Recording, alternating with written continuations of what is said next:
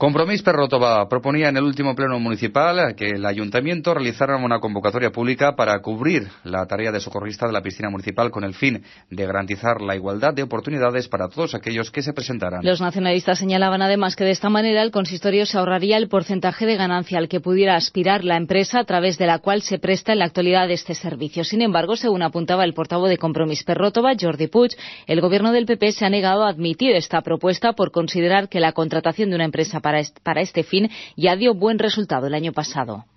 Fem com ho fa actualment el govern mitjançant una empresa, l'Ajuntament no pot assegurar que aquesta empresa faci una convocatòria oberta a tota la ciutadania de Ròtova perquè tots accedisquen en les mateixes condicions. El PP amb l'argument